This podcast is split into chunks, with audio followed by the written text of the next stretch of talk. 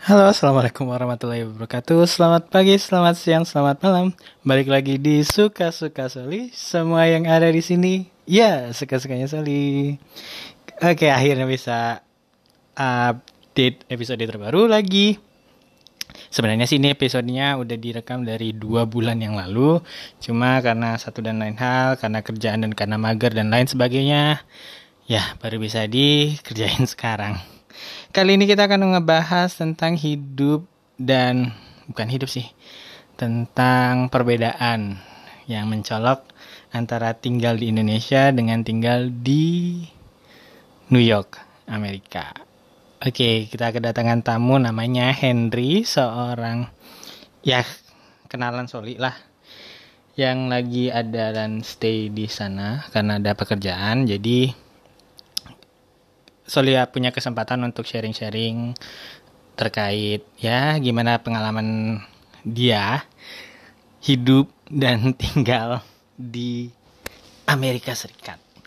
Oke, okay, uh, untuk disclaimernya kalian baca aja di description atau di show notes yang ada di episode kali ini karena uh, karena akan kepanjangan nantinya. Terus ya gitu deh.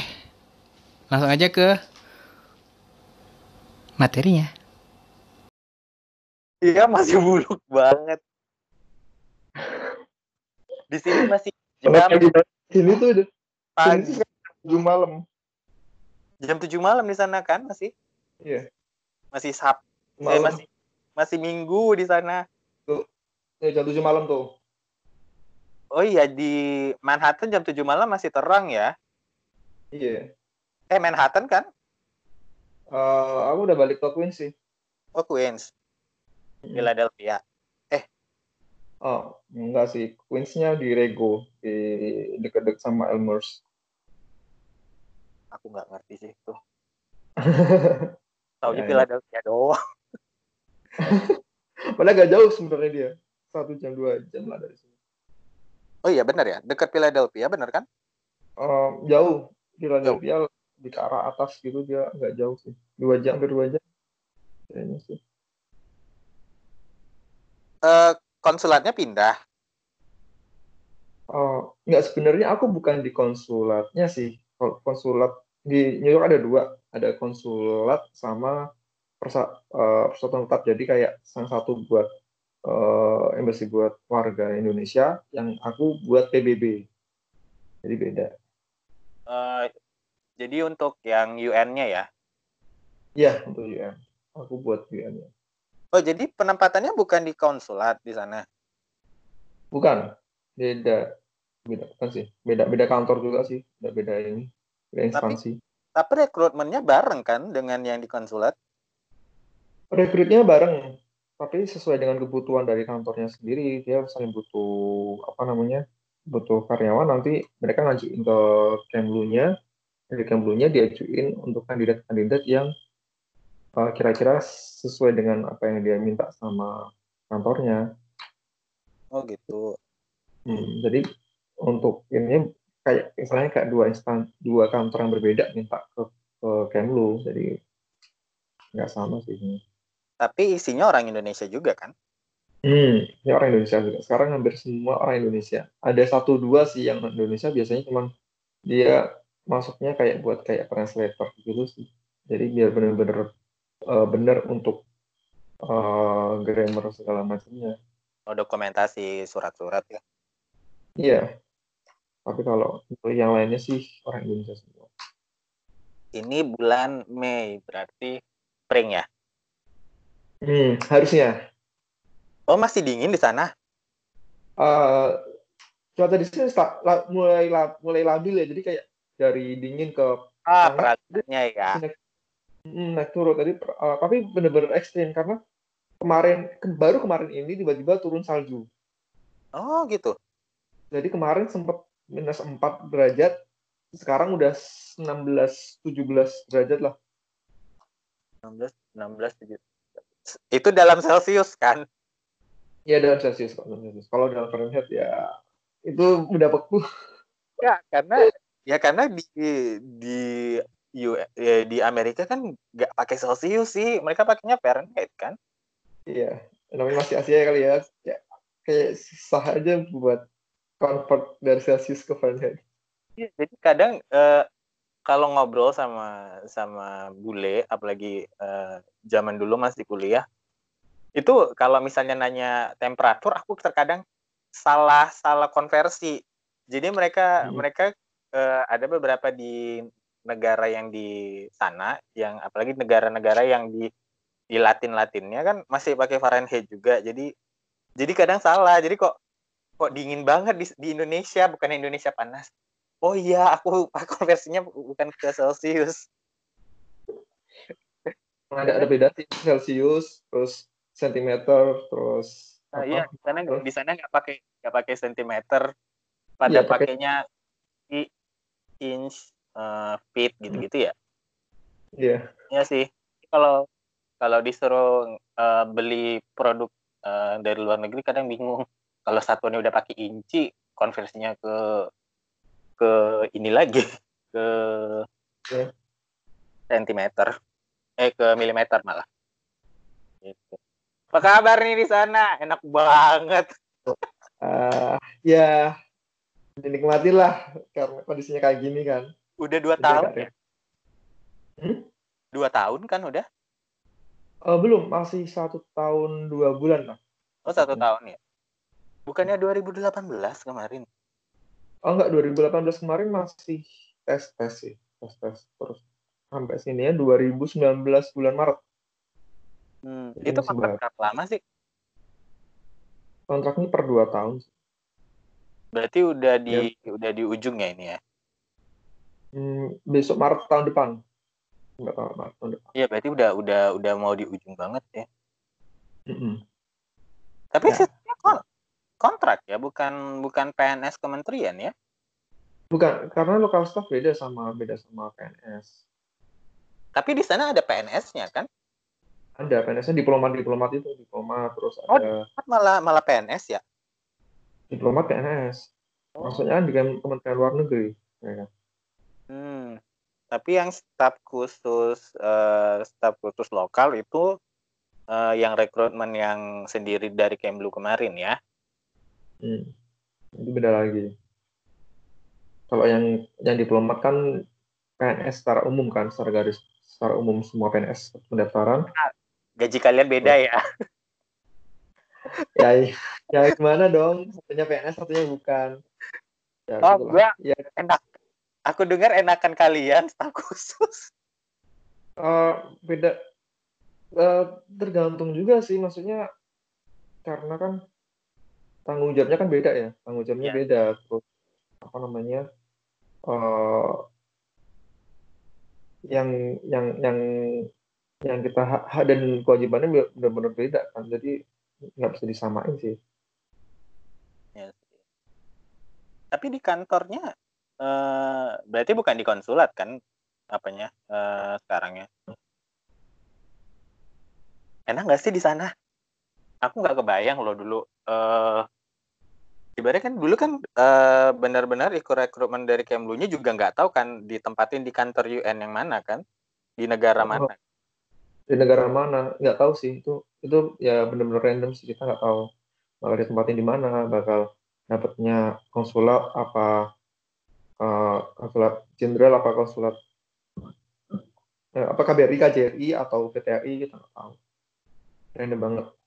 Tapi ya apa namanya di mana pun itu karena prosesnya lumayan panjang waktu itu aku tes dapat 9 kali 9 tahap. Tiga tahap ya?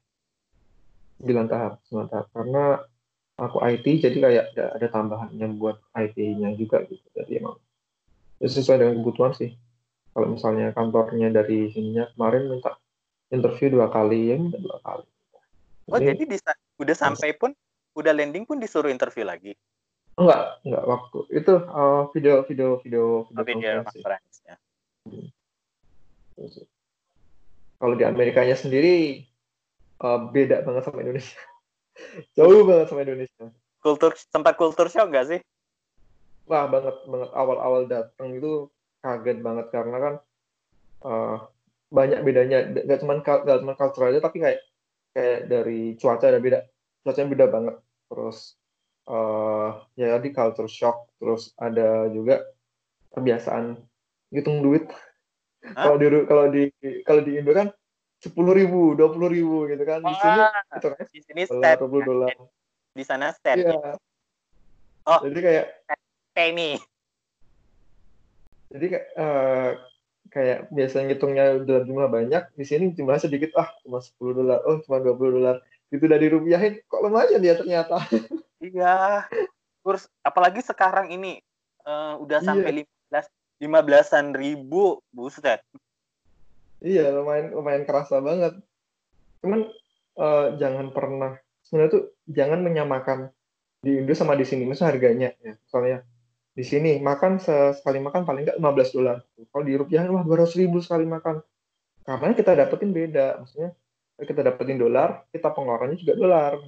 Jadi Iya, nggak jadi- bisa disamakan. jadi sebenarnya kalau memang mau mau ibaratnya kayak ya ibarat kayak pepatah di di mana langit eh di mana bumi dipijak di situ langit dijunjung. Jangan kita dapat duitnya di sana bandinginnya sama duit di sini gitu. Iya beda banget. Eh, orang mungkin dari beberapa teman yang bilang gini wah dapatnya dolar dapatnya banyak. Eh tunggu dulu di sini harga sewa juga mahal coy. Sewa Oh, iya. apartemen mahal. Iya hitungannya mahal hitungannya. Eh kayak kalau di rupiah ini ya kayak kos kosan kamar kecil aja paling enggak sepuluhan juta kalau dirupiahin sedangkan kalau per bulan oh what itu iya itu itu oh itu udah apartemen tapi ya Eh, itu kamar, itu kamar bukan bukan apartemen ya. Kamar. Kalau kalau itu kamar dan itu letaknya di Queens, bukan di Manhattan-nya. oke Kalau di Manhattan lebih mahal lagi. mahal Hitungannya daerah-daerah pinggir lah. Nah. Kalau eh, kayak studio, studio, studio apartemen di Queens, daerah pinggirannya ini paling nggak 1.200 dolar ke atas lah. Paling kira-kira eh, berapa ya? 1200 Hampir 16 juta 18 Eh, juta lah. 16 18 juta juta. Kurang lebih segitu. Itu Buset. untuk yang studio. 1200 ya kagak bikin Iya. kagak ada gitu yang bikin kos-kosan gitu jadi kayak satu studio Ini kan- tiga tiga tempat tidur begitu Oh, a- a- ada kayak share share share room apartemen sih. Jadi kayak eh, mungkin two bedroom gitu, two atau three bedroom gitu eh, disewain per orang. Itu jatuhnya lebih murah sih sekitar ada lah bisa dapat seribuan lah, seribu, seribu seratus. Tapi di luar dari biaya biaya listrik. Gas di luar itu jatuhnya seribu seratus, seribu dua ratus juga sih sama aja. Eh, karena aku taunya kalau yang memang kepengennya si eh, ya agak glamor ke Manhattan dikit kan biasanya sih itu mereka nggak pernah yang satu apartemen satu apartemen satu kamar sendiri jadi biasanya pada pada kayak eh, tiga orang empat orang cari roommate begitu sih kadang-kadang Mm, ada, ada yang gitu. Kalau di kalau di sana itu kayak ada sih yang dia one bedroom itu hampir 3000 kalau nggak salah. Iya karena karena kalau memang yang single single bedroom pasti bisa tiga empat kali lipat ya daripada yang daerah pinggiran kan. Iya, itu belum termasuk yang utilitiesnya sih, itu makanya lumayan lumayan mahal juga di sana. Belum makannya, makannya juga ada ada ada perbedaan harga antara di Manhattan sama di Queens. Itu Hmm, lumayan itu lumayan dan lumayan dengan dengan brand yang sama bisa beda 1 2 dolar. ah, walaupun di Konbi, Oke, sebelum lanjut di pembahasan podcast kali ini, Soli ingatkan kembali untuk kalian yang mau mendukung podcast Suka-Suka Soli, kalian bisa kirimkan dukungan kalian melalui Patreon di patreon.com slash solii 1313 atau melalui Karya Karsa di karyakarsa.com slash solii 1313 dukungan kalian sangat berarti untuk podcast ini. Terima kasih. Lanjut di pembahasannya. Eh iya, bisa bisa bisa beda harganya. Mungkin karena harga sewanya kali, harga sewa tempat segala macam kan kan di situ kan jadi jadi cost juga kan. Nah, ini bisa bisa bisa beda harganya. Terus eh, yang jelas kerasa itu di sini itu model tips sama uh, tax taxnya lumayan tinggi. Pajak ya? Mm-mm, pajaknya. Jadi kalau misalnya mak- makan nih kita makan harga 15 dolar itu nggak fix gitu. Jadi kalau 15 dolar nanti belum taxnya nanti bisa sampai mungkin 17 dolar nanti belum ada tip. Kalau kita makan di tempat ada tipnya itu mungkin sekitar rata-rata sih minimal 18 persen mungkin 20 persen. Jadi jatuhnya hampir 20 dolar kalau sekali makan di luar dan makan di tempat. Dengan harga 15 dolar. Eh tunggu itu 15 eh itu enggak udah total semuanya ya? Udah total semuanya sekitar 21 dolar. Itu Hmm. setara warung makan atau setara mall? Kalau di ya? Indonesia. Warung makan. Warung makan? Iya untuk gue untuk lokal people-nya sendiri itu termasuk mahal nggak sih 20 dolar loh Eh, lumayan mahal sih termasuk mahal ya Mm-mm, termasuk mahal. Itu tergantung tergantung tempatnya juga, maksudnya nggak semua seharga segitu bisa uh, more or less jadi bisa kayak kalau di McD gitu. Eh, pokoknya yang kayak di fast food gitu bisa lah kayak 10 dolar udah sama minum gitu. Terus oh iya kalau di Mm-mm. Pokok- Nah, karena itu kan kan dia self service kan, gitu. oh di sana nggak nggak ada waiters ya kalau untuk nggak ada. fast food ya Mm, Jadi kalau misalnya kayak di fast food gitu, kita datang, terus nih kita ambil makanan ya kan, kita duduk makan, kita beresin sendiri, iya harus harus sendiri gitu. Jadi kalau nggak kayak di Indo, di Indo kan itu makan ditinggal nih, ada yang bersihin, di sini nggak. karena di sana cuma ada itu tukang lap meja eh Hmm. Iya kan? Cuma cuma ada Iya. tukang meja. Nggak ada Paling waiters. cuma gitu. nggak ada. Jadi eh, itu nggak keluar biaya tipnya tipnya nggak nggak ada kalau yang itu. Ya, Kalau modelnya gitu. karena tippingnya nggak ada di sana. Mm-mm.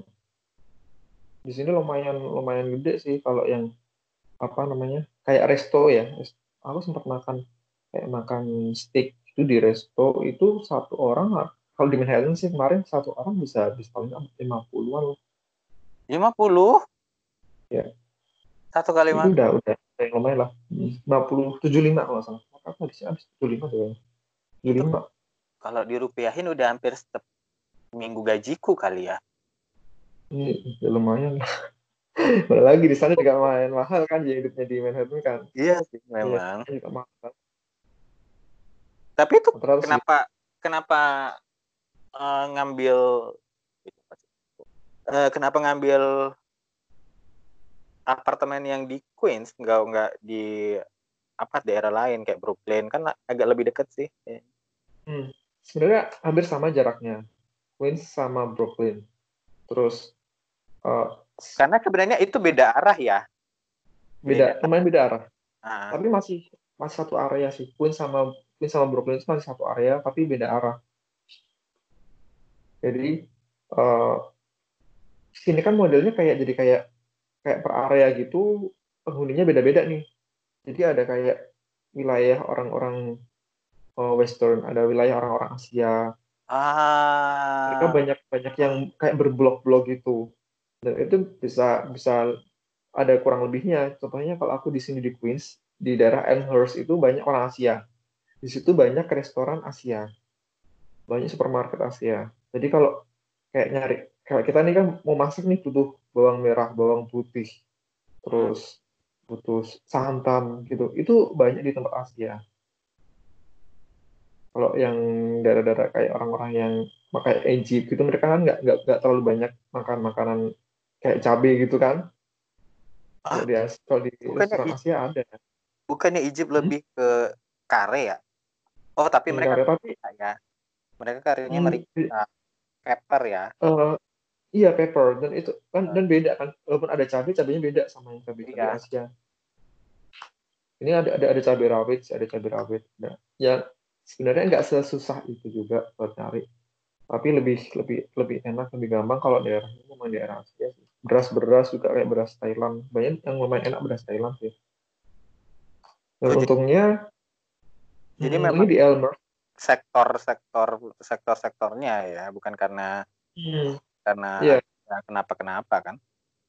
Iya, makanya ada ada kayak apa namanya uh, K-Town, ada Chinatown, Ya ada Chinatown. Italy. Oh, jadi mereka kayak lebih kumpul jadi satu area gitu Nah, itu serunya sih serunya kayak kalau kita pergi ke daerah-daerah tertentu itu kayak auranya beda gitu loh kayak kalau ke Korea Town jadi berasa kayak di Korea nih karena situ kumpulnya orang-orang Korea terus Oh, apa banyak makanan Korea terus kalau di Little Italy itu benar-benar kayak di Italy jadi apa namanya orang jual pisah- pisah yang dia di apa tempat makannya di pinggir jalan itu benar-benar kerasa banget hmm. serunya di situ jadi nggak bosan satu wilayah doang Ya satu hitungan satu blok itu kalau di sana gimana sih? Aku masih nggak ngerti kalau Oh. misalnya jalan jalan satu blok itu kalau di sini kan satu blok itu kira-kira kayak satu simpang ketemu simpang yang lain itu satu blok kan. Tapi kayaknya di sana beda.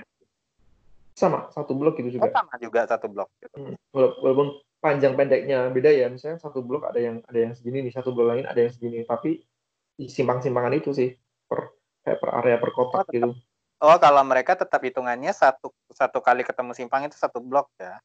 Mm, ya Berarti lumayan juga ya kalau jalan kaki. iya lumayan lah hitungannya hitungan menit sih kita kayak 10 menit jalan 20 menit jalan Iya, jadi ada beberapa satuan yang aku nggak ngerti di Amerika.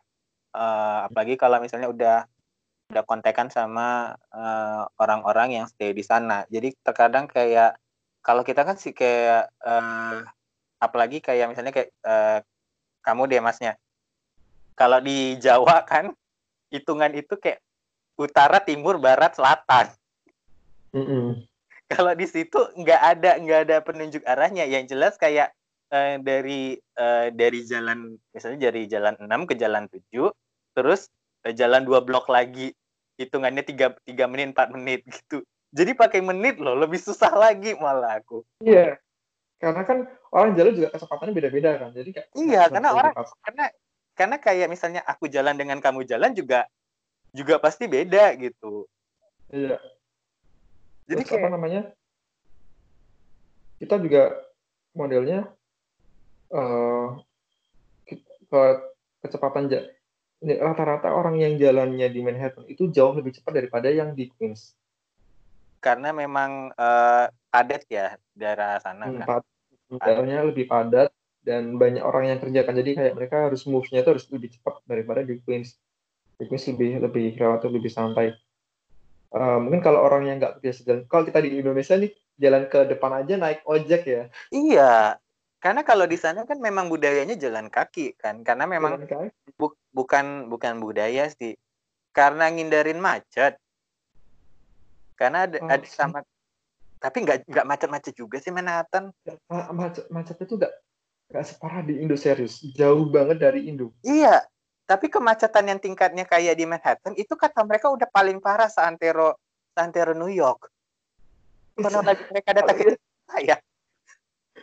mungkin karena jadi, mungkin mungkin karena karena, karena kita kebiasa di Indonesia kali ya. Jadi kan Iya, lihat macetnya parah-parahnya itu oh oh ini ini lancarnya di Indo nih gitu. Macetnya itu kayak lancarnya di Indo. Macet-macet masih jalan.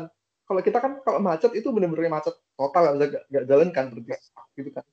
Iya, di sini semacet-macet masih jalan Iya, jadi kayak eh, apa eh, kenapa meeting telat? Iya, eh, tadi macet di jalan.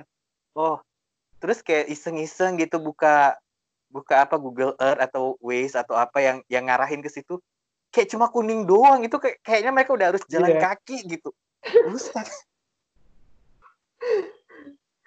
kalau kalau kalau kita kan macet bener macet yang sampai merah sampai berhenti kan merah kalau di di aplikasi kayak Google Maps, di Waze Iya. gitu kan harus kalau sampai merah itu baru kita baru cari alternatif jalan. Kalau mereka kuning aja kayak udah udah hopeless pasrah gitu. dan lagi di sini gitu di sini ad- a- ada motor memang ada motor cuma nggak sebanyak nggak ada, sebanyak nggak di Indo Nggak sebanyak di Indo kan. Kayaknya Oh, kayak bener kayak kayaknya kayak di sana itu moda misalnya kayak moda transportasi personal itu kayaknya lebih ke mobil mereka ya. eh, enggak juga sih karena eh, mungkin mobil untuk orang yang bepergian jauh mobil pun sebenarnya orang mampu beli mobil di sini tapi nggak segampang itu maksudnya eh, mobil lebih murah relatif lebih murah jauh lebih murah daripada di Indo tapi perawatannya lumayan jadi dari asuransi Hmm. asuransinya sendiri mobil ada orang harus juga ada Terus selain itu gimana? nanti ada Gimana? asuransi garansi kendaraan harus ada. Wajib. Itu syarat utama wajib dan itu syarat utama untuk dapatin plat plat nomor. Dan Oh, plat gitu. nomor itu selalu berubah. Jadi kalau mobilnya sama, berarti pemilik nomor platnya beda. Dan itu harus Ah, ada Jadi sekali sekali jual, plannya diganti Mhm. sama mereka. Iya. Ah, gitu. platnya diganti dan harus dikembalikan. Jadi Oh, gitu. iya, Jadi jadi nanti platnya nggak- dikembalikan. Nggak bisa sembarang pindah tangan berarti ya. Nggak bisa. Dan itu harus ada persetu- harus ada asuransi yang mengiyakan. Jadi harus ngajuin asuransi dulu, asuransi Oh. kendaraan. Terus eh, untuk personal yang nyetir juga itu harus harus ada asuransinya juga. Jadi nanti kalau sampai tuh orang nabrak nih, itu nanti biaya asuransinya naik. Ah, dibeban ke Karena situ. karena dia, Mm, karena dia nanti ada berarti kan dia pernah nabrak dan berisiko untuk tabrakan lagi. Ya, makanya akhirnya naik biaya asuransinya. Belum asuransi. Terus nanti eh, ada pemeriksaan setiap tahun. Itu Oh, gitu. masih itu masih mm, itu masih masih oke lah ya maksudnya masih masih oke itu masih masih yang kita masih kita butuhkan karena asuransi nanti bisa buat bisa buat kita reimburse gitu kan. Tapi yang jadi masalah utama di sini itu parkir.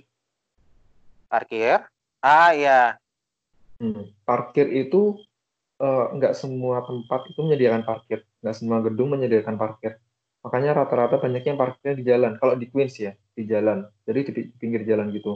Dan kalau Bukan- kalau bukan- nggak dapat parkir, Bukannya kalau di eh, di sana kalau misalnya nggak ada tanda boleh nggak ada tanda boleh parkir pun belum tentu boleh parkir gitu. Emang nggak boleh. Sekali ada tanda nggak boleh parkir, nggak boleh parkir. Eh, tapi walaupun nggak ada tanda belum tentu boleh parkir. Iya, itu ada ada ada juga yang jam-jaman. Jadi jam segini jam segini itu boleh parkir, jam segini jam segini enggak. Oh gitu. Dan itu Dan kalau untuk kalau udah kena tilang parkir itu kayaknya udah kayak udah kayak udah kayak the end of the world gitu. karena itu nanti eh, ngefeknya ke poin. Jadi ada poin-poin tertentu kalau sampai kita itu over itu nanti SIM-nya dibekukan Oh. karena di situ. Nanti jadi kalau, kalau kena tilang modelnya poin-poin. Jadi kayak misalnya batas kecepatan nih gitu. Kan di sini batas kecepatan lumayan lumayan ketat ya, nggak kayak di Indo. Iya, Di karena Indo mungkin ada beberapa daerah yang ketat, ada yang enggak. Iya. Tapi di sini langsung pakai kamera. Jadi gitu dia over kecepatannya, over gitu langsung tagihan datang ke rumah beserta foto dia di mana ngelanggar. oh gitu. Jadi kayak Indo kan baru oh kalau di Indo kalau nggak salah baru mulai, baru Indonesia mulai kan. baru-baru mulai dan Hmm. Dan- maksudnya kan ibaratnya kayak karena plat nomor itu setiap kali pindah pindah apa ya pindah pemilik itu nggak ganti jadi terkadang nyasar ada terkadang Iya. nyasarnya kalau di sana Iya. memang setiap kali ganti ganti orang ganti yang punya harus ganti plat dia ya harus diregistrasi baru iya. kan Iya, jadi benar-benar update banget lah. Dan lagi eh, satu mobil nih, ini nggak bisa nih asal kamu pinjemin. Jadi misalnya eh, aku punya mobil ini, ada yang mau pinjam, oke pinjam aja nggak bisa. Oke, iklan lagi nih. Jadi kalau kalian eh, bingung kalau mau pakai patreon.com karena eh, situsnya dari luar negeri, kalian juga bisa gunakan situs karya anak negeri yaitu karyakarsa.com alamatnya di karyakarsa.com slash soli s o l i i 1313 linknya bisa kalian lihat di description note yang ada di episode kali ini. Dukungan dari kalian sangat berarti. Terima kasih. Iya nggak bisa, nggak bisa asal-asalan. Jadi mobil itu didaftarkan siapa yang nyetir. Oke Jadi nggak Jadi- bisa asal-asalan. oh itu itu alasannya kenapa bapak udah tua pun anaknya belum tentu yang nyetir ya Iya, dan itu Ah. didaftarin. Gitu. Dan Oh kalau- jadi dan- jadi itu alasannya karena aku kadang nggak ngerti kenapa kenapa dia bapaknya udah tua banget malah bapaknya yang nyetir atau ibunya yang nyetir bukan dianya gitu. Hmm. Alasannya kan itu ya. Ya karena nggak segampang itu. Jadi lumayan ketat sih. Awal-awalnya aku juga kaget. Maksudnya eh, di sini kok segitu ketatnya, tapi orang-orang juga matuinnya juga lumayan kok, lumayan ini lumayan tertib juga. Karena pembuatan SIM di sana pun dari dari zaman sekolah ya. Mm-mm. Pembuatannya harus kayak kursus dulu, kok kita kan Iya. Harus kursus tes dulu. kan. Heeh. Mm-mm. Dari tempat khususnya itu nanti kayak ngasih kayak ngasih surat gitu, ngasih kartu gitu kalau dia udah kursus, baru bisa ikut tes. Jadi Hmm. benar-benar uh, lebih lebih lebih terurut sih, lebih lebih jelas kan. Oh ini orang udah udah udah latihan nih. Jadi karena memang eh, nggak gampang sih dapat SIM di sana kalau aku bilang. Iya. Kayak, kayaknya memang kayak kalau yang public school kan memang ada itu dia kelas khusus nyetir gitu ya. Hmm. Nah, Ada. jadi kayak udah di udah dikas udah disatuin sama kurikulum. Tapi kalau yang private kan dia harus ngambil yang di luar kan, yang yang Iya, harus di luar. Oh, gitu. itu dari itu uh, Di mobil itu gampang loh. tapi tapi sampai seriusan mobil di sini murah. Aku aja gitu datang kaget nih kenapa kalau di Indo kita ngeliat Mini Cooper jarang nih gitu kan. Iya, jarang Di banget. sini tuh di sini Mini Cooper tuh jadi Uber. Serius, Seriusan. mak itu gak boros itu termasuk boros tuh itu. nggak ngerti sih tapi banyak banget Uber yang mereka pakai skuter nah Mini, Mini Cooper bahkan gini eh, aku sama temanku sempat nyewa mobil kan oke kita sewa mobil nih mobilnya mobil kecil aja karena nggak nggak nggak banyak orang dan cuma jalan jalan nggak jauh gitu. Mobil kecil maksudnya adalah mobil sedan. Gitu kan. Itu datang yang kita yang kita dapat apa coba? Yang kita dapat tuh Jaguar. Serius? sama. Ya terus dengan harganya sama dengan mobil akan sama sama mobil yang lain. Mereka Ya, kagak mahal mahal kita mas kayak mereka kagak kayak, ngerti ya. mereka kagak ngerti kayak prinsip penghematan sebesar besarnya gitu oh tapi mem- karena memang eh, apa ya orang Amerika itu strict banget dengan merek mobil. Jadi merek mobil yang Asia itu mereka kayaknya kalau bisa jangan beli yang mobil Asia kayaknya pemahamannya. A- ada sih ada beberapa mobil Asia sih cuman nggak banyak sih. Emang kebanyakan sih. Karena kayaknya memang memang kayaknya mereka kayak ibaratnya kayak ya udah trademarknya sendiri kayak kayak belilah produk yang mobil Amerika gitu bukan yang yang mobil Banyak. Asia tapi masih banyak juga kok yang yang yang produk-produk Jepang gitu juga masih banyak di sini masih ada juga tapi ya Hmm. tapi dapat Jaguar untuk Uber itu kayaknya itu udah kayak dapat dunia runtuh tau nggak? itu nggak aku juga nggak nggak ngerti sih mereka mereka gimana tapi memang nggak nggak semahal nggak semahal kalau di Indo sih untuk mobilnya apalagi misalnya gini eh, itu nggak kalau di sini pun nggak pernah ditanya Gimana? ke driver nggak pernah ditanya drivernya eh enggak sih nggak sayang ini jadiin Uber gitu Oh, enggak sih Kak. di sini tuh kayak mungkin buat kita di Indo barang-barang branded barang-barang mahal itu kesannya mahal banget ya tapi kalau di sini itu udah nggak segitunya sih Oh, Jadi ini tuh barang-barang branded, barang produk-produk yang mahal ya. Karena kayak, kayak kita nih kayak yang real banget nih di Indo. iPhone terbaru, hmm. iPhone 11 terbaru. Wah, booming banyak orang yang ini pakai pakai iPhone baru nih gitu kan. Kalau di sini biasa gitu iPhone-nya keluar di mana-mana orang pakai. Oh tapi eh, konsumsinya tetap sama ya. Jadi kayak ya keluar iPhone ya beli gitu ya. Ya, eh, maksudnya gini, di sini banyak yang sistemnya itu selain cash kita kayak kredit gitu. Jadi Hmm? Jadi kredit per, per bulan berapa nanti plus sama bulanannya internet paketan internet gitu. Jadi udah udah bundling gitu. Dan itu Oh. kontraknya per dua tahun. Hah? Jadi memang jadi memang untuk hal hal yang brand-brand itu nggak se nggak se booming yang di Indo. Oh gitu ya. Jadi biasa di, di sini biasa aja gitu nggak yang nggak yang sampai se heboh itu sih. Karena semua orang punya. Tapi semua orang pasti ibaratnya kayak ya setelah-telatnya itu paling satu generasi dua generasi gitu ya. Hmm. Iya. Banyak bahkan banyak kok yang yang waktu aku awal datang, aku nih pakai awalnya pakai datang pakai datang pakai hati-hati Xiaomi gini kan. Hmm. Kita datang eh naik subway turun gitu ah kampret HP-nya homeless aja di atasnya ini banget Serius? seriusan dia dipakai tadi itu pakai apa pak pak perhatiin kan dia pakainya S S9 Samsung S9 Itu orang biasa, maksudnya di di Oh, sub- homeless homeless. yes homeless udah apa Hai. Oh enggak? Iya, aduh, ini, ah, kacau. Bawa aku ke sana, bawa aku. Itu kayak kayak sedih tuh gak sih? Oh my god, kita yang kerja ya. Gila, itu S9 itu itu S9 itu setara gajiku gajiku sebulan nggak makan nggak minum tahu nggak kalau mau beli itu. Ya, kayak, kayaknya itu di sini kayak ada hal yang biasa. Mungkin, ya mungkin karena barang-barang barang-barang elektroniknya tuh enggak harganya sama, cuman karena yang, yang didapatkan itu bentuknya dolar, jadi nggak semahal itu. Kesannya Ah, tidak semahal itu. kesannya jadi misalnya kayak kalau kita kan kayak udah dengar 200 dolar itu kayaknya udah kayak eh, 200 dolar itu gue udah, udah bisa dapat apa aja gitu ya. Udah dapat makanya kalau di sana kayaknya biasa aja gitu. Biasa aja, nggak yang segitunya. iya jadi jadi tipsnya adalah jangan dikurensiin. Jangan di Hmm. ditransfer kurensi Jangan pernah, karena aku juga, aku dari awal datang itu udah udah di udah udah di udah di kasih tau nih, jangan pernah dirupiahin, jangan pernah dirupiahin, jangan.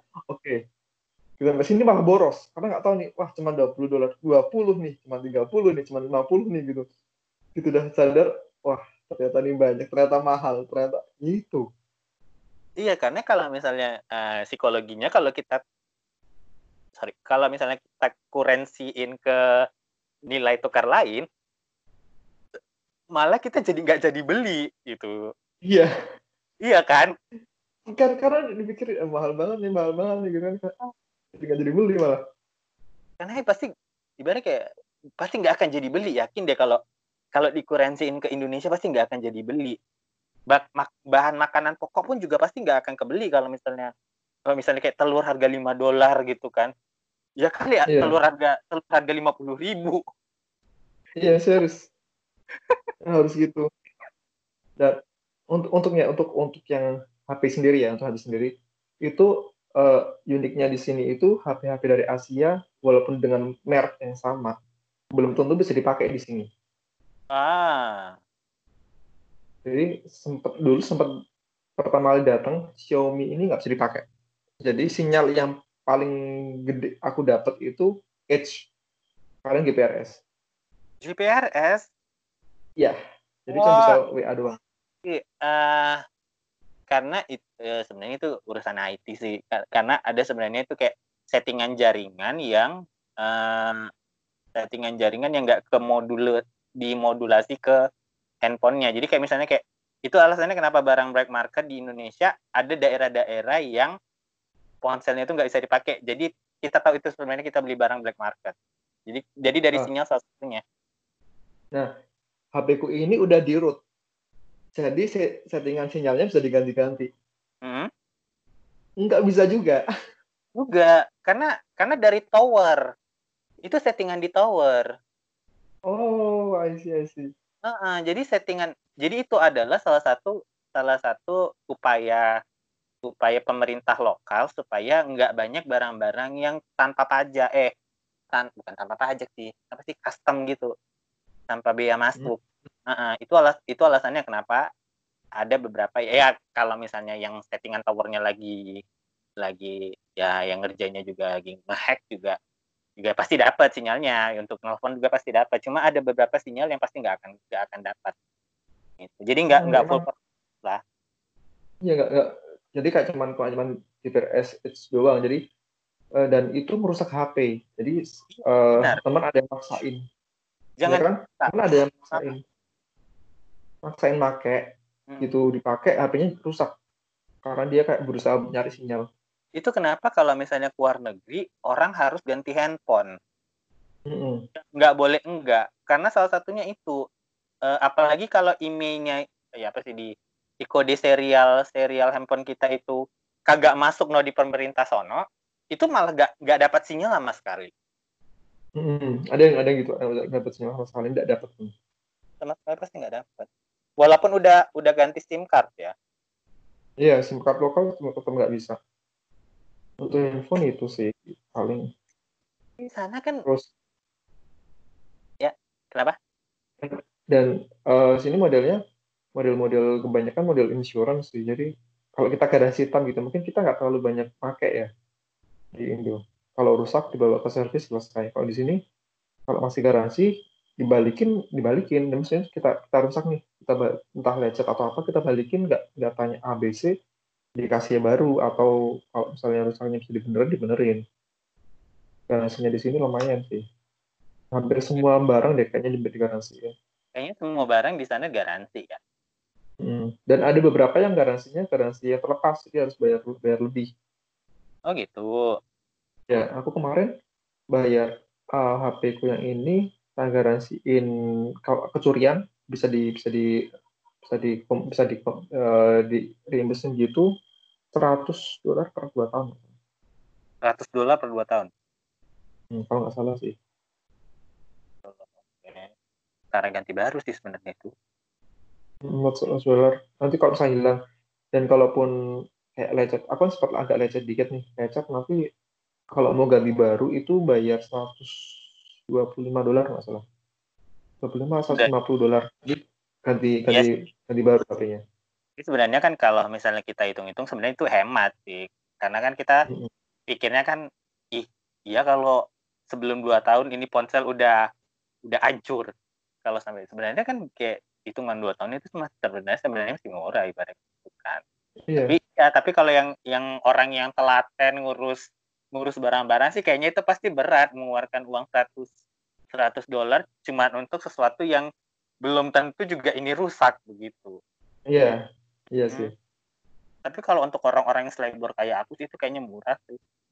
iya kayaknya jadi jatuhnya murah kan aneh HP HP udah mulai agak agak enak nih kan? Keren daripada beli baru kan? Iya, daripada beli baru pasti lebih mahal dari itu. Tapi di sana kan banyak kan yang main yang yang pasca bayar kan daripada yang prepaid kan. Kayaknya kalau udah prepaid itu kayak udah sekali sekali telepon buang gitu. oh sini modelnya harus ya kayak di Indo sih harus didaftarin dulu Iya. terus eh, pendaftaran juga itu eh, lumayan ketat kalau di Indo kan kayak asal ngisi data bisa ya kalau di sini Hmm. enggak Kalau di sana kalau enggak ya? mau ngisi data hmm, harus pakai kayak oh nggak punya eh, social security number. Jadi kita ada kayak nomor nomor kayak ID Yang- KTP gitu kan? Kalau belum punya kita bisa pakai nomor paspor. Kita daftarin. Dan eh, harus dipaketin. Jadi kalau kita kan bisa beli pulsa nih di Indo beli Hmm. pulsa sepuluh ribu Itu udah udah dipakai kan? sebulan gak usah ngapa-ngapain gitu ya. Oh, jadi bisa bisa buat telepon, buat internetan kalau kepepet belum dipaketin kan. Kalau di sini nggak bisa, di sini harus dipaketin. Kalau nggak dipaketin itu mati. Maksudnya kalau kita ada masa tenggang kan kalau di Indo, masa aktif, masa tenggang. Kalau masa tenggang masih bisa nerima telepon. Masih bisa terima. Kalau di sini, kalau masa aktifnya habis, udah nggak bisa dipakai apa-apa. Oh. Makanya Hmm. kebanyakan pakai yang pasca bayar ya. Iya, pas jadi sebenarnya kita ada, ada sama ada dua option pasca bayar. Kenapa? Jadi eh, kita sebenarnya ada dua option pasca bayar dan prabayar. Cuman eh, bahkan yang prabayarnya sendiri itu ada sistem pembayarannya auto pay. Jadi dia hampir sama kayak pasca bayar. Jadi pembayarannya bulanan otomatis dipotong. Oh. Itu lebih murah. Kayak beda lumayan lah. Jadi kayak kita misalnya kita kayak harus beli harus beli pulsa 50 dolar nih. Kalau kita bikin auto pay langsung dipotong ke rekening itu nanti jadi cuma 45 dolar. Ah, ada ada fasilitas untuk pengurangannya ya. Ya, jadi lumayan lumayan untung juga. Untuk paketan internetnya sendiri lumayan sih.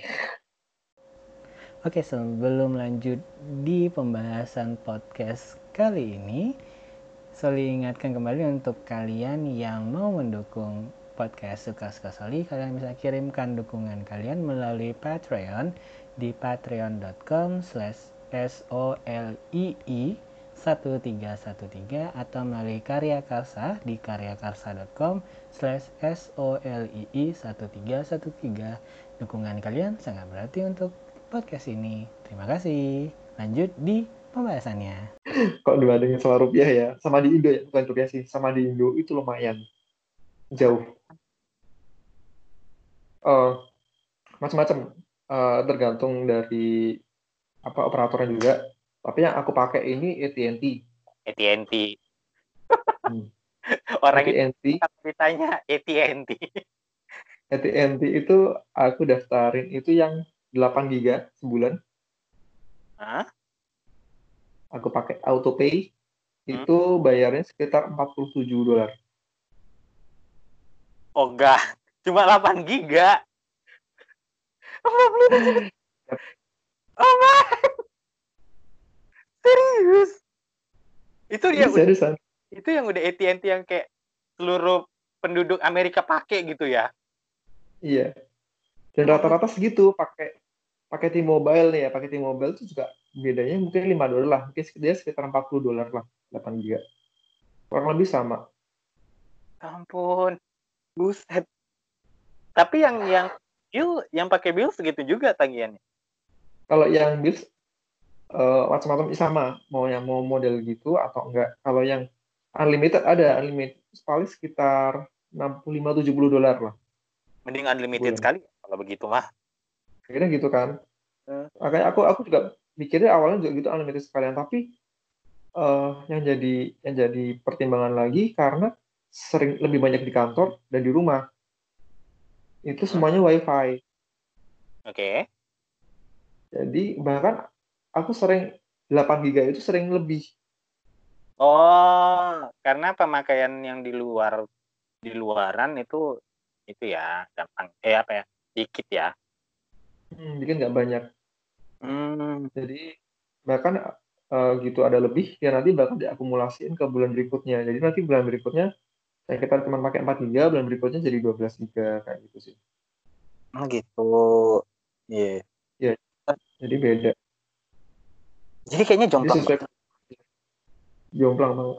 Tapi bisa bisa jadi pertimbangan juga kalau ya kalau yang mau lebih hemat lagi kalau saya berkeluarga nih itu ada sistemnya lain.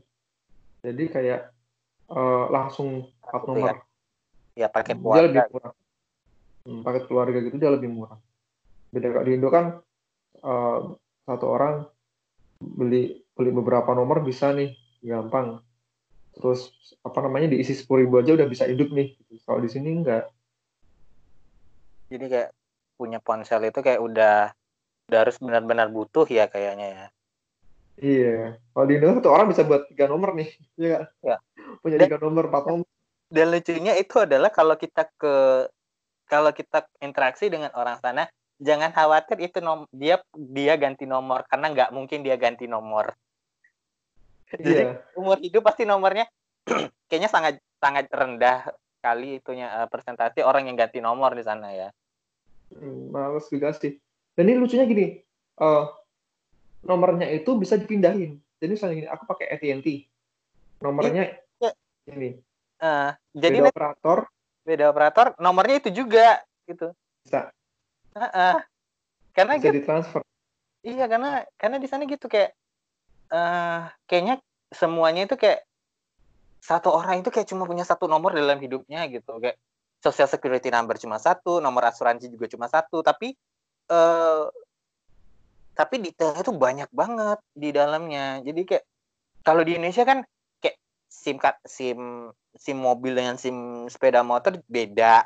Sim truknya juga beda sim KTP-nya juga kayak ini kayak terlalu banyak nomor yang dihafal kalau di Indonesia kalau di sana kayaknya ya satu doang sih paling kan gitu kayak eh, nomor lebih simpel. iya demi Terus sim data data datanya kan langsung terpusat kan. Jadi iya ini valid gitu loh. ya jadi kayak eh kayak nomor kayak nomor SIM juga di sana kan eh, SIM sepeda motor dengan mobil digabung kalau nggak salah di sana Kalau nggak salah sih, aku juga nggak tahu, aku juga belum dapetin soalnya. tapi di sana banyak kan pakai publik ya yang yang transportasi umum ya Hmm. Karena gini, karena public transportnya sendiri itu juga udah mumpuni. Jadi Hmm. bisa menja- bisa bisa menjangkau ke mana-mana, eh, relatif on time, terus ada banyak. Itu kenapa kok orang males punya kendaraan pribadi? karena di karena kalau di sana reten retensinya itu benar-benar ibaratnya kayak eh, kereta dua menit sekali, subway dua menit sekali. Jadi kayak kayaknya punya kendaraan pribadi kayaknya ngapain gitu ya kan? Iya. Kalau nggak benar-benar butuh, biasanya mereka nggak lebih milih pakai kendaraan umum sih. Untuk Lagi- biaya perawatan segala macam kan. Lagian di sana kalau subway itu juga ada yang pakai bulanannya kan, jadi kayak lebih hemat Iya. sih. Ada kalau nggak salah paket bulanan nggak tahu sih kalau sekarang ya. Kalau sekarang itu mungkin sekitar kalau yang bulanan 127 kalau nggak salah. Itu Iya. unlimited. Dan itu kan udah udah kita mau ke mana aja, kapan aja gitu kan. Jadi kayak Hmm. jadi kan lebih enak sih. Jadi perjalanan jauh pun ya udahlah naik subway atau apa. Itu eh, satu kartu subway itu ya kan kalau di sini ada yang eh, MTA kan namanya. Jadi subway bisa buat kereta, bisa buat bis. Hmm. Jadi bisa buat naik kereta, bisa buat bis. Iya, jadi jadi kan udah satu bundling gitu kayak kalau di sini kan kayak kayak satu kartu untuk setiap aktivitas. Jadi dompetku tuh kayaknya udah penuh banget itu isinya kartu mulu. Jadi kayak Iya. kayak ini Tapi- kayak Heeh. Tapi kalau yang kalau yang di Jakarta kayak eh, busway sam- sebenarnya sebenarnya hampir sama sih sistemnya. Sama. Busway di Jakarta sama KRL. Ya, eh, yang pokoknya sih yang penting yang penting dia imani sifatnya, sifatnya duit elektronik. Hmm. Eh, tapi kan eh, penggunaannya di Indonesia kan masih kayak cuma sebatas busway, eh, KRL sama itu doang sih kayaknya sih masih ya. Iya, kayaknya itu doang sih. Ini masih do itu doang. Eh, kalau di sana kan kayak kayak ibaratnya kayak udah udah nge-tap ke mana-mana gitu kayak beli beli minuman di vending machine aja kayaknya udah pakai tap di sana kan. Eh, kalau pakai tab sini eh, hampir semua pakai tab sih. Maksudnya Semua kan. mesin terus bayar-bayar pakai tab sih. Mm-mm. Jadi kayaknya lebih kayak lebih lebih kayak cashless sih, lebih aman sih aku bilang daripada Iya. ya daripada pakai duit duit duit di kantong kan apalagi ya tahu sendiri kalau duit di kantong karena di sana kan juga duit gak boleh kelipet ya. Eh seharusnya sih seharusnya. Tapi kenyataannya juga masih tetap banyak yang lipat juga sih. Juga yang Tapi lebih tapi lebih ter, ter- terawat daripada yang di Indo. Ini iya. Indo kan orang nggak cuma kelipat tapi kucel nih bener-bener sampai Kalau di Indonesia sampai di diremet begitu itu duit. Nah, itu itu kebiasaan jeleknya di situ jadi kayak bener-bener Nah. rusak kan kalau di sini sejelek-jeleknya cuma kayak kelipat dua gini doang Kayak kelipet doa di dompet doang gitu kan kalau di Hmm. sana. dan masih rapi. Dan kalau misalnya sobek di sana langsung nggak laku ya. Eh nggak juga eh, bukan nggak Oke. laku sih, ditukar di bank. Hampir sama kayak di Indo sih. Selama dia itu nggak lebih dari setengah, rusaknya nih nggak lebih dari setengah, itu masih bisa ditukar. Oh masih bisa di. Apa? Hmm. Tapi kalau- Karena waktu itu pernah, Ya. jadi pernah pernah ada kasus yang nukerin uang itu ada banyak nih, pokoknya hampir 500 600 dolar itu bentuknya potongan-potongan, ada yang cuma 70 persen, ada yang sampai 70 persen, ada yang 50 persen, itu pas tak coba tukerin ke bank bisa. Oke, iklan lagi nih. Jadi kalau kalian eh, bingung kalau mau pakai patreon.com karena eh, situsnya dari luar negeri, kalian juga bisa gunakan situs karya anak negeri yaitu karyakarsa.com alamatnya di karyakarsa.com slash soli s o l i i 1313 linknya bisa kalian lihat di description note yang ada di episode kali ini dukungan dari kalian sangat berarti terima kasih Oh gitu. Kalau yang udah sampai 50 sampai setengah itu udah hilang, setengahnya hilang, itu Nah. nggak bisa. Tapi kalau lebih dari itu bisa. Masih boleh ya. Tapi nggak nggak sampai di apa ya di selotip begitu ya. Hmm. Kalau di Indonesia udah kebelah kebelah dua juga di selotip, kagak ditukar ke bank. Surat- Dan itu masih dipakai kan? Iya. Kalau di sana kan nggak boleh kan. Kalau di sini ditukar, orang nggak, kalau ini nggak kali ditukar, ditukar ke bank sih. Enggak jadi kayak kayak ibaratnya kayak di sana tuh kayaknya orang-orangnya pada pada pada ikhlas untuk repot gitu ya.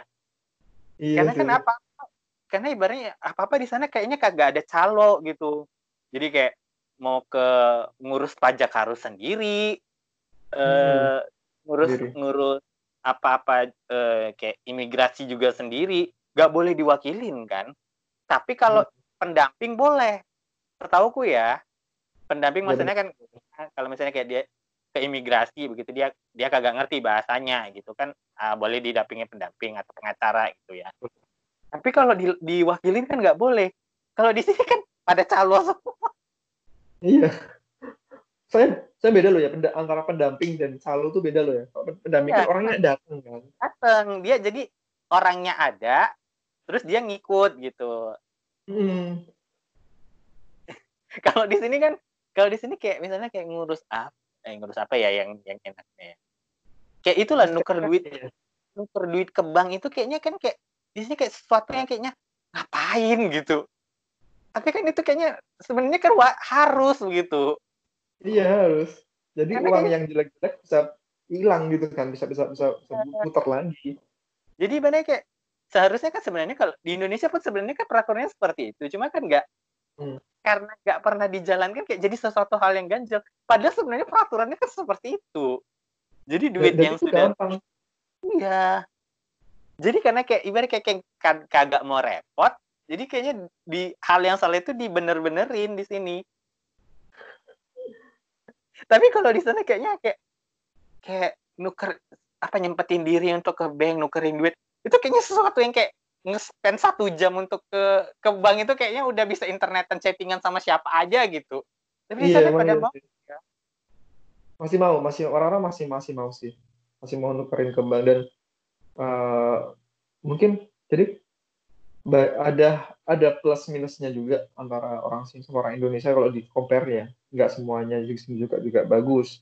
Ada juga bagian-bagian yang menurutku itu sebenarnya di Indonesia jauh lebih baik kok gitu loh. Iya, iya. memang ya itu kan dia tadi itu tadi kayak kultur shocknya ya jadinya kan. Ya, cultural shocknya bener-bener unik sih, unik banget. Aku yang Eh. pertama kali ngalamin lumayan kerasa banget itu eh jangan sembarangan bantuin orang. gitu ya. Hah? Jangan sembarangan bantuin orang, Ya. apalagi orang tua. Karena di sana kayak nyebrangin orang jalan aja itu kayaknya harus minta izin dulu, harus nanya dulu bener. Iya. Bahkan nanya sekalipun juga itu bisa salah. Oke, sebelum lanjut di pembahasan podcast kali ini, Soli ingatkan kembali untuk kalian yang mau mendukung podcast Suka-Suka Soli, kalian bisa kirimkan dukungan kalian melalui Patreon di patreon.com slash solii 1313 atau melalui Karya Karsa di karyakarsa.com slash solii 1313 dukungan kalian sangat berarti untuk podcast ini. Terima kasih. Lanjut di pembahasannya. Iya, karena kayak eh, apa ya privasi gitu ya, kayak ibaratnya kayak kayak karena di sana kan eh, semua orang menjawab gitu, benar nggak sih? Jadi kalau kalau kita kan kadang kalau misalnya kalau kita nih biasanya kan bukan adat ya eh, kebiasaannya adalah eh, kalau misalnya ditanya nggak jawab berarti kan nggak mau gitu kan. Tapi kalau di sana they has, they have to say no untuk bilang untuk bilang memang nggak mau gitu kan. Nggak bisa diem gitu dan itu ini juga yang, yang eh, karena kalau orang Asia kita kan kebiasaan ada orang tua jalan kayaknya kerepotan kita bantu kan? Iya langsung langsung tergerak gitu kan. Langsung tergerak atau minimal kita tanya saya bantu ya apa kita tawarkan kan?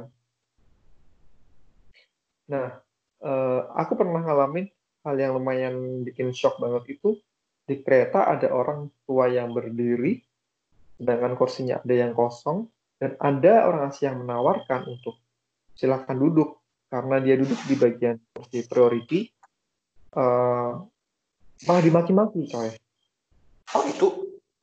Serius lah dimaki-maki. Dia bilang memangnya aku buta? Memangnya aku nggak tahu kalau di situ ada kursi kosong? Karena karena mereka kayaknya eh, sensitif ya dengan dengan hal-hal yang yang berbau privasi gitu. Kayak ibarat kayak kayak gue nggak usah diajari gitu Iya padahal kalau kalau kalau kita orang Asia kayak mikirnya itu sebenarnya bukan hal yang privacy juga kan. Ini bukan yang bukan yang segitu dalamnya, cuma nawarin duduk doang kok gitu loh. iya kayak Itu pun sama coy.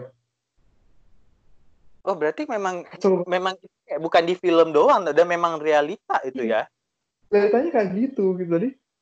Di sini kalau mau bantu orang jadi kayak aku mau bantu orang juga kayak kayak sungkan gitu. Eh, iya nggak nih, iya nggak nih gitu. jadi memang memang karena karena hal itulah dibilangnya mereka itu kayaknya orangnya itu kayak ya udah nggak usah sok kenal sok deket gitu ya Hmm. kalau kita kan Mungkin- misalnya kayak misalnya kayak eh, nawarin tumpangan itu di sana itu kayak suatu hal yang janggal gitu. Bener kan nawarin tumpangan itu kayak kayak itu udah lu orang sekaya apa pun dengan udah sekaya raya dengan pengawal segede-gedenya gitu yang bi- bisa dengan gampangnya nawarin tumpangan walaupun jalannya memang searah gitu udah setiap hari ketemu tapi belum tentu bisa nawarin nawarin nawarin tumpangan gitu kan nggak bisa kayak gitu. iya Oh, tapi eh, mungkin kalau dari satu sisi kita ngelihat itu kayak eh apa sih kok kayak gitu gitu kan? Kenapa kenapa bukan orang mau bantuin malah dikata-katain gitu kan? iya ke- Tapi di tapi kan sebenarnya kan aneh gitu kan ibaratnya aneh kan? "Heeh." Tapi di, itu kan suatu di sisi lain, niat yang baik ya tapi di sisi lain gini, di sisi lain orang-orang di sini tuh mandiri meskipun mereka udah tua. iya dan itu dan Ya, enaknya mereka itu harus- jadi jadi Hmm. sebenarnya Harus Karena mereka- jalan walaupun udah sepuh udah juga masih masih mandiri gitu ibarat kayak masih Hmm. masih bisa naik mobil jarak jauh sendiri gitu kan bahkan untuk orang-orang tua yang mereka jalannya tergopoh-gopoh harus pakai dorongan, mereka jalanin, mereka ke swalayan, buat dorongan itu eh, belanjaan taruh di dorongan, dia jalan sambil dorongan yang kalau kupikir kayaknya orang Indonesia nggak sampai segitunya deh, maksudnya. Orang iya. Yang udah itu masih bisa jalan segitu Kayaknya jauh. kalau di Indonesia gitu ngebiarin ngebiarin orang tua belanja sendirian itu kayak udah tabu banget begitu ya kan? Kalau di sana kayak Iya. ya udah cuek aja gitu biasa aja makanya lihat orang orang tua. Yang jalan se- segitunya kita lihat kayaknya kasihan di orang tua gitu. Jadi biasa aja karena emang orang-orangnya gitu. Udah jalan udah jalannya berblok-blok gitu. Karena memang udah biasa kali ya jalan kaki ya. Dan bagusnya di sini akses untuk pejalan kaki lebar. Nah, jadi trotoarnya gede. enaknya. Hmm. Terus apa untuk yang eh, orang yang difabel Hmm? itu wheel, jalannya udah wheelchair atau yang yang buta? Yang wheelchair yang wheelchair. nih untuk yang yang paling gampang dicari yang wheelchair nih yang wheelchair setiap ada lampu merah itu dia ada jalanannya selalu selalu ada turunan. Jadi memang ada akses untuk wheelchair lan lewat. landainya ya biar dia nggak jegrek. Iya. itu selalu selalu ada. Jadi kalau di mungkin mungkin di beberapa pos jalan di Indo dengan trotoar yang kecil itu langsung nggak ada nggak ada nggak ada jalan landainya kan? Banyak kan gitu kan? Indonesia eh, trotoarnya tuh bisa kayak sejengkal tangan manusia gitu. Tingginya. Tinggi banget Iya kan, Mbak? Jangankan untuk yang wheelchair, untuk yang nenek-nenek nenek-nenek sepuh aja itu kayaknya untuk turun segitu segitu satu jengkal loh gitu kan kayak kayak Kayak udah. Tenaga banget gitu. Iya, itu, itu mungkin mungkin bisa jadi pertimbangan ke depannya kayak di Indonesia bakal mungkin bisa dibangun dengan cara seperti itu sih. Jadi bisa ngehargain orang yang pakai wheelchair gitu loh. Iya. Untuk oh, enggak sih untuk untuk bisnya sendiri untuk akses publiknya di subway itu nggak semua tapi kebanyakan subway-subway yang besar itu ada selalu ada lift. Ah, ah. Dan Hmm, itu dan karena kan khusus untuk orang tua dan yang wheelchair. hmm, untuk Ya. orang sakit non itu itu selalu diutamakan yang lift. Kalau bus itu uniknya di sini bus busnya itu rodanya bisa miring. Jadi busnya gini nih, dia Hmm? miring. Jadi kayak kayak kayak ada settingannya dia bisa miring. Terus eh, dari dalam itu keluar ini, keluar keluar kayak apa lantai tambahan untuk wheelchair. Jadi bakal Ah. keluar dia nanti bisa buat naik wheelchair. Oh gitu. nanti gitu masuk dia naik lagi dan di dalam pun ada kursi-kursi yang khusus untuk wheelchair di mana kursinya itu bisa dilipat. Nanti itu wheelchairnya masuk ke situ, itu ada kayak pengaitnya. Jadi biar wheelchairnya nggak goyang. Oh. Iya, jadi kan jadi memang kursi ibaratnya kayak walaupun di sana tuh kayak memang equality banget ya walaupun dia dia masuk da- dalam arti kata ada ada yang tidak sempurna dalam dalam fungsional tubuhnya tapi tetap tidak Hmm. dibiarkan untuk manja begitu kan iya, Hmm. mereka bisa dan ini orang-orang bebas untuk eh, melakukannya sendiri karena aksesnya untuk itu banyak dan mudah. iya Jadi Tapi tet- mereka mau, mau aktivitas macam-macam enak. iya tapi tetap eh, walaupun melakukan aktivitas masing-masing tapi tetap ya gitu orang dalam orang yang orang apalagi yang sensitif seperti kayak yang difabel gitu kan kalau kita Hmm. tawarin bantuan itu kayaknya kayak sesuatu hal yang meremehkan dia gitu jadinya malah Iya, iya kan iya. Aku juga, aku juga selama di sini nggak pernah dinawarin sama sekali pun. Karena kalau aku pribadi ya, Gimana? aku yakin mereka bisa. iya aku ya sebenarnya aku, kita yakin pasti bisa cuma kan kayak kayak hati nurani ini kan ya karena sama Iya. kayak ya hati nurani inilah gitu kan Iya betul. Kayak di depan lu ada orang begitu kenapa apa nggak ada si empati lu lebih ke empati gitu ya tapi di sana Iya kan nggak begitu masalahnya itu tidak bisa diterapkan Iya. sembarangan gitu apalagi yang Oh, nggak bisa yang banget. sudah sudah hidup di lingkungan orang yang yang gotong royong terus apa witing terus jalanan soko kulino Iya, jadi kayak benar-benar nggak bisa. nggak bisa Iya. gitu Kayak ada yang ganjel gitu sih, ada yang ada yang Iya, ini kayaknya nggak bener deh. gitu kan. nggak bener tapi mau gimana lagi gitu ya. jadi kayak Iya. kalau aku pribadi ya misalnya ih kenapa nggak aku bantu ya itu tadi nen itu kayak kayak di tengkuk itu masih masih masih apa bekarut gitu tapi kan memang karena nggak nggak biasa di sana begitu gitu karena Emang kayak jadi mere- merendahkan mereka gitu kan tapi seru seru banget maksudnya eh over sebentar. Iya iya sebentar lagi.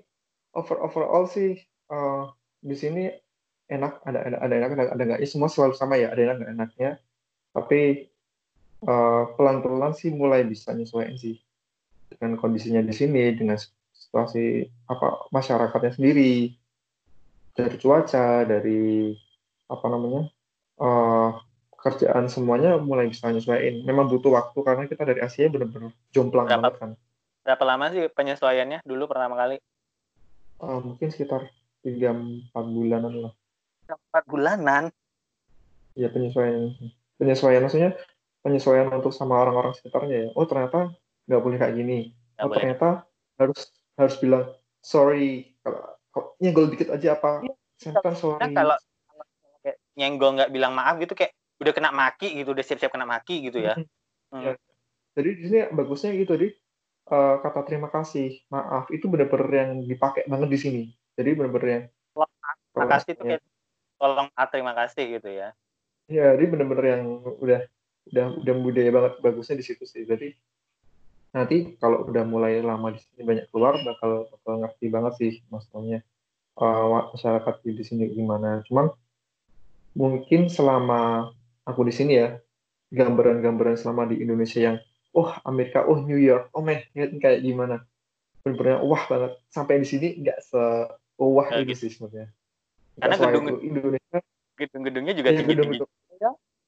Iya kayak ya cuman kayak kalau aku pribadi semen- lebih kayak ke eh, kota besar tapi eh so- wahnya aku masih bangga sama Indonesia karena begitu banyaknya eh, orang-orangnya yang berbeda suku berbeda semuanya beda banget tapi kita masih tetap baik satu sama lain itu yang wow banget sebenarnya eh, dari segi alamnya juga luar biasa banget Indonesia jauh lebih oke sebenarnya Cuma kita nggak ngeh aja kadang-kadang agak ngeremehin sih. itulah kenapa aku lebih suka jalan-jalan di Indonesia dibanding keluar eh Iya, puasa di banget. puasa di di Amerika gimana sih sahur Ah, jam ya, barusan ba- barusan banget nih azan nih azan maghrib nih jam 8 malam nih. Jadi mulai puasa itu jam 4 lebih kalau sekarang ya jam 4 lebih seperempat pagi. Pakai Gitu, pakai betul. jam sana deh pakai waktu sana pakai GM, GMT minus berapa kalian GMT minus 6 ya Eh, 11. Hah? Di sini 11 jam lebih lebih lambat. 11 jam le- lebih iya berarti GMT plus berapa jadinya tuh 7 GMT minus 4 ya Kayaknya sih. kayaknya ya dan itu sahurnya jam berapa waktu sana Eh, subuh jam 4 lebih 15. oh sama berarti ya Hmm. Bukanya jam sekarang jam 8 lebih 1. 14 jam Iya, dan itu semakin panjang kan. Oh, gitu. Yang tahun kemarin aku ngerasain buka puasanya itu jam setengah 10 malam. summer ya tahun lalu ya eh karena spring ya tahun lalu ya spring ya Udah udah udah gak samar gitu kan aja jam jam setengah 10 malam. Eh, bahkan lebih kalau nggak salah. Bukanya itu sahur sahurnya itu sendiri sampai jam 4 setengah 4 jam 4 tuh. karena kata temanku kata temanku juga dan aku pernah pernah dengar dengar juga katanya kalau misalnya kena puasanya di summer itu kayaknya berat banget karena jarak jarak siang dan malam itu dikit di di apalagi di Iya. semakin ke utara itu kayak makin dikit gitu Ini aku kasih lihat nih. Sekarang udah jam 8 malam nih. Nih, udah jam 8 malam nih. eh masih sore ya Masih sore kayak kayak jam 5 setengah 6-nya Indonesia lah. jadi itu masih afternoon di sana Iya, masih afternoon oh belum eh udah Iya, masuk udah, evening lah ya udah evening ya ini udah udah masuk event nih sih, cuman lumayan lumayan agak telat aja. Ini udah barusan buka nih.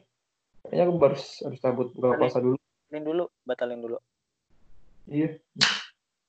Saya harus buka puasa dulu. Ini gimana nih? Mau di mute apa? di mute aja dulu soalnya aku bentar lagi juga juga harus mandi ini jam 7 pagi Oh, jadi, gimana nih? Mau di ya bebas sih Kayaknya kok kalau buka puasa sekalian buka nanti pas maghrib juga aja sekalian paling agak lama mungkin. Oh ya udah deh di di sini dulu eh sampai sini dulu deh minggu depan sambung lagi. Hmm. Minggu depan sambung lagi. Nah.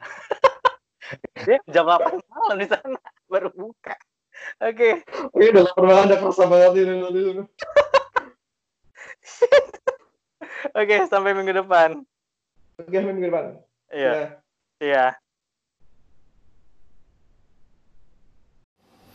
Oke, eh, ngobrol-ngobrol bareng Mas Hendrinya kita lanjutin lagi di part kedua dan di part kedua ini pasti akan lebih seru lagi ngobrol ngobrol bareng Mas Hendrinya.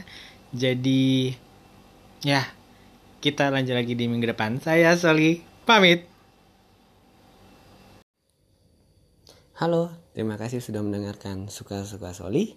Suka-Suka Soli sudah ada di Anchor FM, Penyu FM, Cashbox, Spotify, Google Podcast, Apple Podcast, dan aplikasi-aplikasi podcast pilihan kalian. Linknya bisa kalian lihat di link tr.ee slash soli s o l i i underscore solihin s o l i h i n atau kalian bisa lihat di show notes di episode kali ini dan bagi kalian yang punya kelebihan dana atau juga mau kasih tip untuk ya nambah-nambahin semangat aku untuk buat podcast kalian bisa kirimkan dukungan kalian melalui Patreon di patreon.com slash soli s o l i i 1313 atau di karya karsa di karyakarsa.com slash soli s o l i i 1313 dan bisa kalian lihat juga di show notes di episode kali ini. Terima kasih.